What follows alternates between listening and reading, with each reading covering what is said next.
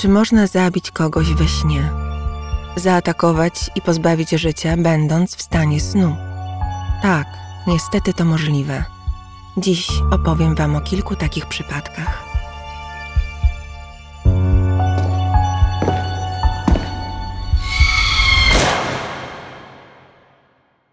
Christine była miłością życia Briana. Poznali się w dzieciństwie i szybko pobrali jako młodzi dorośli. Doczekali się dwóch córek. Uwielbiali wspólnie spędzać czas. Byli towarzyskimi duszami korzystającymi z życia. Christine i Brian Thomas byli parą przez 40 lat. Właśnie planowali huczne obchody rocznicy ślubu. Zarezerwowali rejs po Morzu Śródziemnym. Tymczasem wybrali się na wakacje swoim kamperem – w lipcu 2008 roku pojechali z rodzinnego NIT do Aberport nad zatoką Cardigan u zachodnich wybrzeży Walii. Zaparkowali przy jednym z lokalnych pubów, planując tam spędzić noc w samochodzie. Około godziny 23.30 zaczęły im przeszkadzać hałasy. Grupa młodych mężczyzn urządziła sobie na tym samym parkingu wyścigi samochodowe.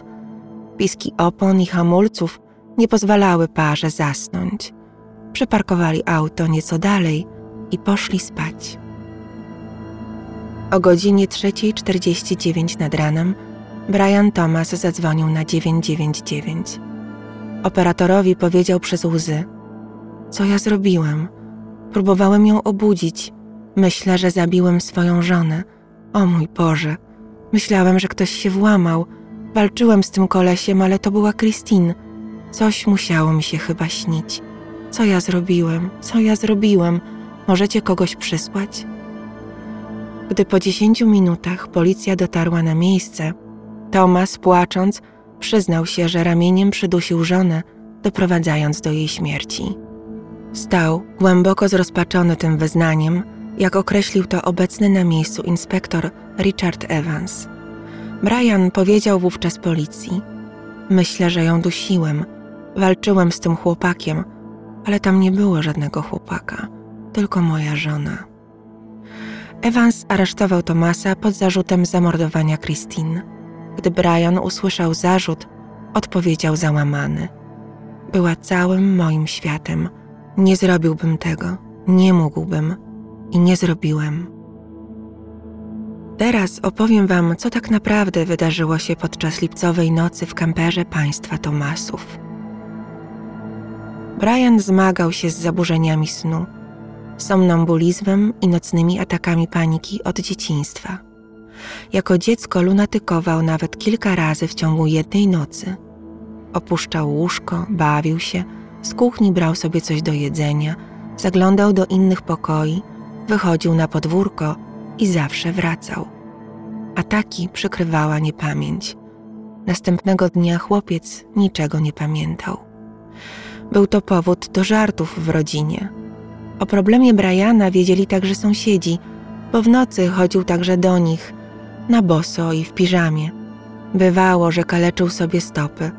Raz nawet pływał w kanale przez sen i nie obudził się nawet na chwilę. Nigdy nikogo nie skrzywdził, nigdy nikogo nie zaatakował. Po ślubie, gdy zamieszkali razem, Christine chciała chronić męża. Bała się i słusznie zresztą, że w nocy może mu się coś stać. Poza tym sama nie mogła spać przez jego okrzyki, pomruki i wędrówki. W domu zwykle para spała osobno, w różnych pokojach. Noc zaczynali razem, całowali się i przytulali, a potem Brian szedł do swojej sypialni. Żona zamykała go na klucz, który chowała pod poduszką. Brian 59-letni emerytowany hutnik cierpiał na depresję z powodu chronicznych zaburzeń snu. Mężczyzna brał leki, które hamowały objawy zaburzenia, jednak miały one poważny i ważny dla małżeństwa efekt uboczny. Czyniły Briana impotentem. Małżonkowie postanowili, że podczas wakacji Brian odstawi leki, by mogło dojść między nimi do intymnych zbliżeń. W kamperze spali w jednym łóżku. Kiedy feralnej nocy zasnęli, umysł Briana, pobudzony sytuacją na parkingu, podsunął mu koszmar, który niestety dalszy ciąg miał na jawie. Tomas, wciąż śpiąc, czuł, jak budzi się i dostrzega intruza w samochodzie. Rozpoznał w ubranym w dżinsy i czarną polarową bluzę jednego z młodych ludzi, którzy ścigali się po parkingu. Włamywacz leżał na jego żonie. Brian wrzasnął, rzucił się na niego i złapał za szyję, próbując odciągnąć napastnika. Działał automatycznie. Im bardziej napastnik się wyrywał, tym mocniej go dusił, aż mężczyzna przestał się ruszać. Niestety pomylił intruza z własną żoną. Odkrył to za późno, dopiero jak się obudził. Zaczął ją szturchać delikatnie w ramię i pytać, czy wszystko z nią ok. Gdy zorientował się, że Christine nie żyje, natychmiast zadzwonił po pomoc, w żaden sposób nie zatajając szczegółów tragedii. Policja początkowo była sceptycznie nastawiona do zeznań Tomasa. Zdarzało się już przecież, że mordercy próbowali wykpić się od kary z powodu lunatykowania czy przebywania w stanie nieświadomości. Briana przetrzymywano 10 miesięcy w areszcie i poddawano różnym testom. Dr Chris Icikowski, dyrektor Sleep Center w Edynburgu, poddał go dwóm badaniom. Jedno przeprowadził w swoim laboratorium, drugie w więzieniu. Rozmieszczono na całym ciele Tomasa czujniki mierzące jego fale mózgowe, ruch gałek ocznych, aktywności mięśni brody i nóg, przepływu powietrza przez nozdrza, oddychania i poziomu natlenienia podczas snu. Badali go eksperci oskarżenia i obrony. Obie strony doszły do tego samego wniosku. Tomas nie zabił intencjonalnie swojej żony. Biegli sugerowali, że odstawienie leków mogło spowodować wystąpienie koszmarów sennych i pogorszenie jakości snu. W chwili popełniania czynu był nieświadomy tego, co się z nim naprawdę dzieje. Nie miał żadnej kontroli nad własnym ciałem. Jak mówiłem, działał automatycznie. Brian doświadczył nocnego ataku paniki. Jest on szalenie niebezpieczny, tracimy wówczas kontrolę nad sobą. Mózgiem nie kieruje w takiej chwili nic poza wzorcami, najbardziej typowymi nawykami. Najczęściej pojawia się około drugiej nad ranem, trwa 15-20 minut, wystarczająco długo, by zabić w tym czasie drugiego człowieka.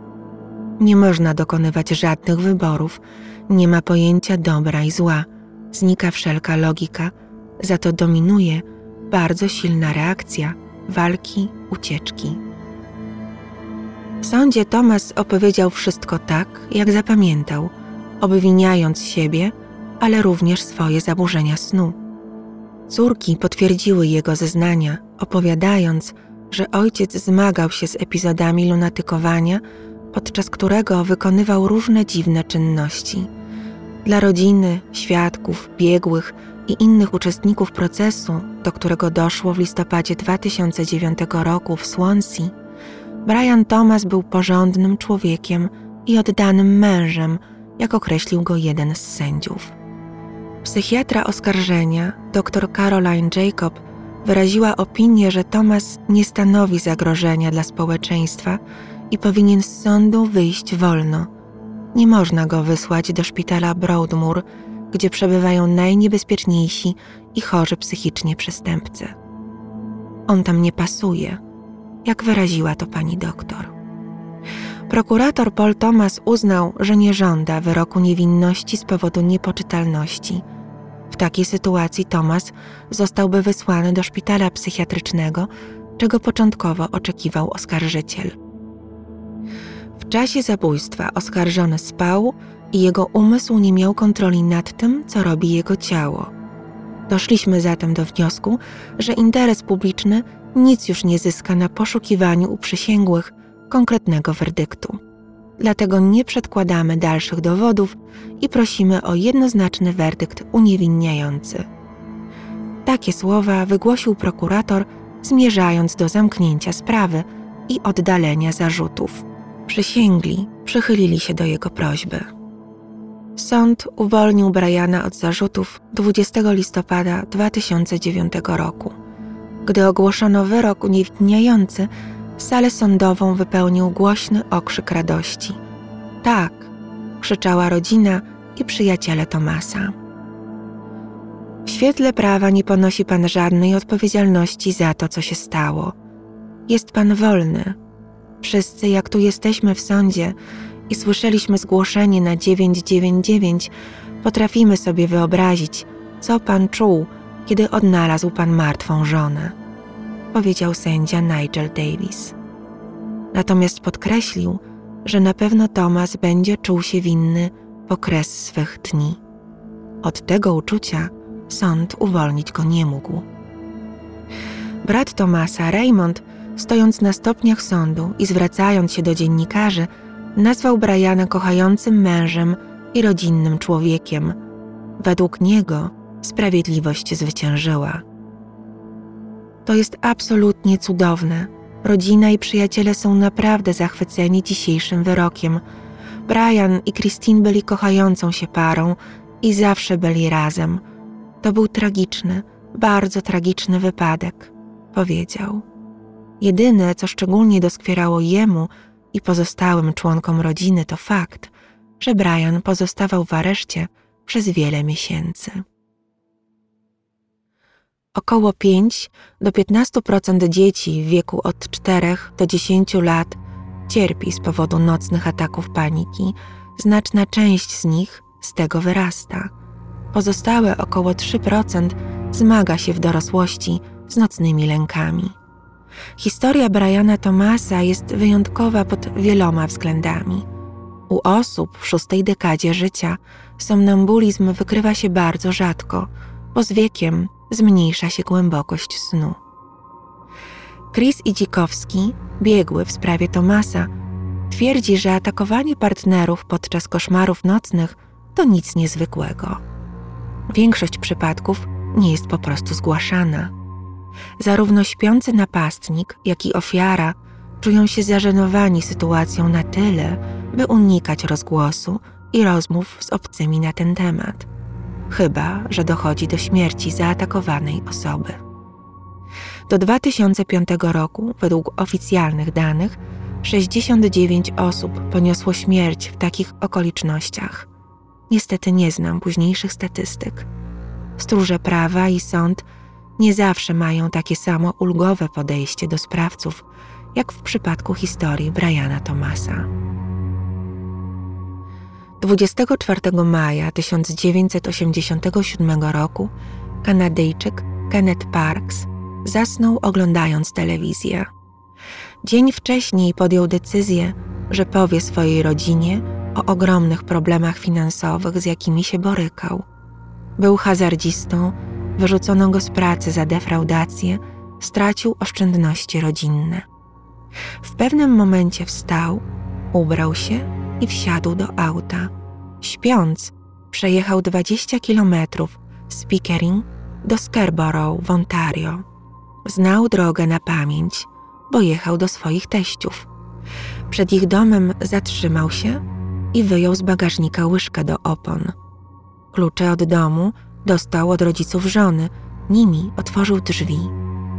Wszedł do środka i zatłukł na śmierć 42-letnią teściową. Teść uszedł z życiem, choć Kenneth próbował go udusić. Podobnie jak Thomas, Parks sam zgłosił się na policję. Po wszystkim po prostu wsiadł do swojego samochodu i pojechał na komisariat. Tylko Kanadyjczyk akurat nie wiedział, co się stało. Pokazał policjantom swoje zakrwawione ręce, pełen domysłów, że chyba kogoś zabił. Myślę, że zabiłem dwie osoby, powiedział. W 1992 roku również został uniewinniony. W 1997 roku Scott Falater, inżynier i mormoński pastor, późnym wieczorem zasnął w swoim domu. Nie budząc się, wstał, wziął nóż i poszedł naprawić pompę basenową. Zaskoczona jego zachowaniem żona podeszła do niego – Falater wówczas zaatakował ją trzymanym w ręku nożem. Zadał jej 44 ciosy. Skaleczył się przy tym, więc wszedł do domu, by opatrzyć rękę. Założył plaster na oczyszczoną ranę i przebrał się. Zakrwawione ubranie schował w bagażniku samochodu, po czym wrócił do basenu i wrzucił do niego konającą żonę. Przytrzymał nawet jej głowę pod wodą. Dramatyczną scenę zobaczył sąsiad i wezwał policję. W trakcie śledztwa nie ujawniono żadnych sekretów rodzinnych, problemów finansowych czy konfliktów. Falater nie miał żadnych zaburzeń psychicznych ani neurologicznych. Skazano go na dożywocie. Dlaczego jego tak, a Parksa czy Tomasa nie? Sąd motywował wyrok złożonością czynu. Falater zabił żonę i próbował zacierać ślady. Tak nie postępują osoby pogrążone we śnie, działające automatycznie. Po opatrzeniu rany wrócił na miejsce zbrodni, czyli pamiętał, czego dokonał. Parks i Thomas dokonali mało wyrafinowanych zbrodni i sami zgłosili się na policję jako winni. Obaj lunatykowali już wcześniej, obaj nie mieli motywów. W 1998 roku 27-letni Dean Sokal dostał dożywocie za pobicie swojej żony Eleni na śmierć podczas nocnego ataku paniki w ich domu w Paynton w Devon. Podczas całej koszmarnej sytuacji spał. Gdy się obudził, zorientował się, że tłucze swoją żonę młotkiem. Jednak nie przestał. Dobił ją, by przestała krzyczeć. Hiszpan Antonio Nieto z Malagi zamordował swoją żonę i teściową siekierą i młotkiem 11 stycznia 2001 roku. Córka doznała złamania szczęki, uratowała życie, udając martwą. Syn, po tym jak ojciec zranił go w ucho, obezwładnił i rozbroił go. Nieto obstawał, że spał podczas ataku – Śniło mu się, że broni się przed atakiem agresywnych strusi. Dzieci sprzeciwiły się jego wersji. Rozpoznał je, powiedział nawet synowi, by ten nie zapalał światła, bo obudzi już nieżywą wówczas matkę. Nieto trafił do szpitala psychiatrycznego. W 2007 roku skazano go na 10 lat pobytu w szpitalu i nałożono grzywnę w wysokości ponad 171 tysięcy euro jako zadośćuczynienie dla jego ofiar. 30 października 2004 roku pewien mężczyzna z Manchesteru, Jules Lowe, został uniewinniony od zarzutu zamordowania własnego 83-letniego ojca. Spał, gdy bił, kopał i skakał po staruszku przez ponad 20 minut. Zostawił go, na jego własnym podjeździe z ponad dziewięćdziesięcioma obrażeniami. Ku rozczarowaniu prokuratora sąd uznał, że w trakcie popełniania zbrodni był niepoczytalny z powodu epizodu lęku nocnego. Wysłano go do szpitala psychiatrycznego na leczenie. Wyszedł po dziesięciu miesiącach. Peter Buck, gitarzysta i współzałożyciel zespołu R.E.M., napadł na dwie stewardesy na pokładzie samolotu British Airways. Na początku transatlantyckiego lotu z Seattle do Londynu 21 kwietnia 2001 roku wziął tabletki nasenne i popił je alkoholem. Świadkowie opowiadali, że wpychał płytę CD do wózka z napojami, myśląc, że to odtwarzacz. Żółtą ostrzegawczą kartkę otrzymaną od załogi podarł, krzycząc – i am R.E.M. Potem walczył o kubek jogurtu ze stewardesami, co skończyło się bójką. Ostatecznie usłyszał zarzut napaści na dwie stewardesy. Sąd zgodził się, że nie miał kontroli nad sobą z powodu automatyzmu wywołanego miksem środków odurzających, jakie zażył i został uniewinniony. We wrześniu 2008 roku 33-letnia Donna Shepard Saunders niemal zabiła swoją matkę. Trzymała poduszkę na jej twarzy przez 30 sekund. Uniewinniono ją, usprawiedliwiając czyn atakiem paniki. W XX wieku ponad 150 morderców i gwałcicieli uniknęło kary z tego samego powodu. Przestępcy ci według swoich obrońców działali automatycznie, bez udziału świadomości. Na koniec nieco nauki. Epizody somnambulizmu pojawiają się w trakcie snu wolnofalowego, głębokiego, NRM, najczęściej w pierwszej połowie nocy, godzinę dwie po zaśnięciu. Człowiek w tym stanie nie odzyskuje świadomości, ale jego ciało zachowuje aktywność o charakterze automatycznym. Ma otwarte oczy, świadkom może się wydawać, że jest w pełni świadomy tego, co robi. Taka osoba może siadać na łóżku, przejść do drugiego pomieszczenia, może obiadać się w nocy, gotować, prowadzić auto albo kogoś zaatakować. Znany jest przypadek osoby, która przez sen pływała motorówką, inna cięła drewno piłą elektryczną. W większości są to sytuacje niegroźne, zarówno dla śpiącego, jak i osób postronnych. Nawet w tym stanie działa instynkt samozachowawczy. Podczas epizodu osoba ma pusty, zastygły wyraz twarzy. Przejawia względny brak reakcji wobec prób wywarcia wpływu na nią ze strony innych osób i może zostać obudzona tylko ze znacznym trudem. Po obudzeniu epizod pokryty jest niepamięcią.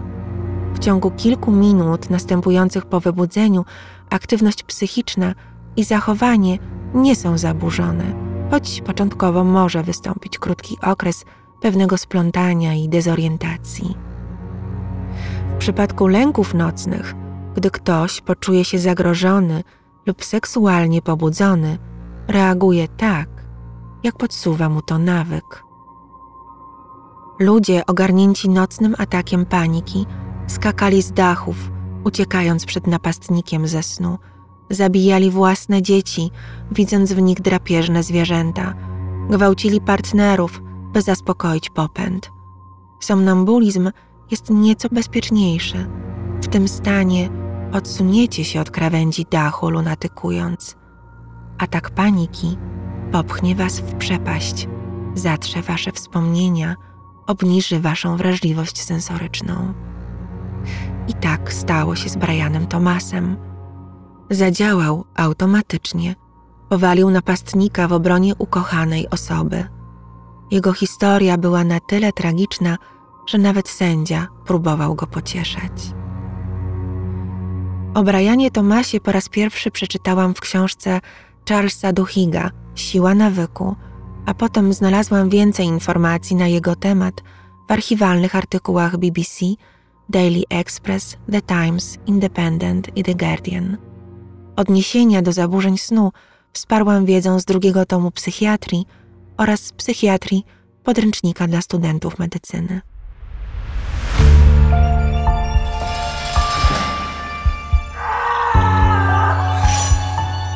Zostawiam Was wyczulonych na pozornie niegroźne epizody somnambulizmu. Nie lekceważcie zaburzeń snu. Wysypiajcie się dobrze, szczególnie po wysłuchaniu moich opowieści. Życzę Wam dziś dobrej nocy i zapraszam na kolejne historie o zbrodniach i śmierci. Renata z worka kości.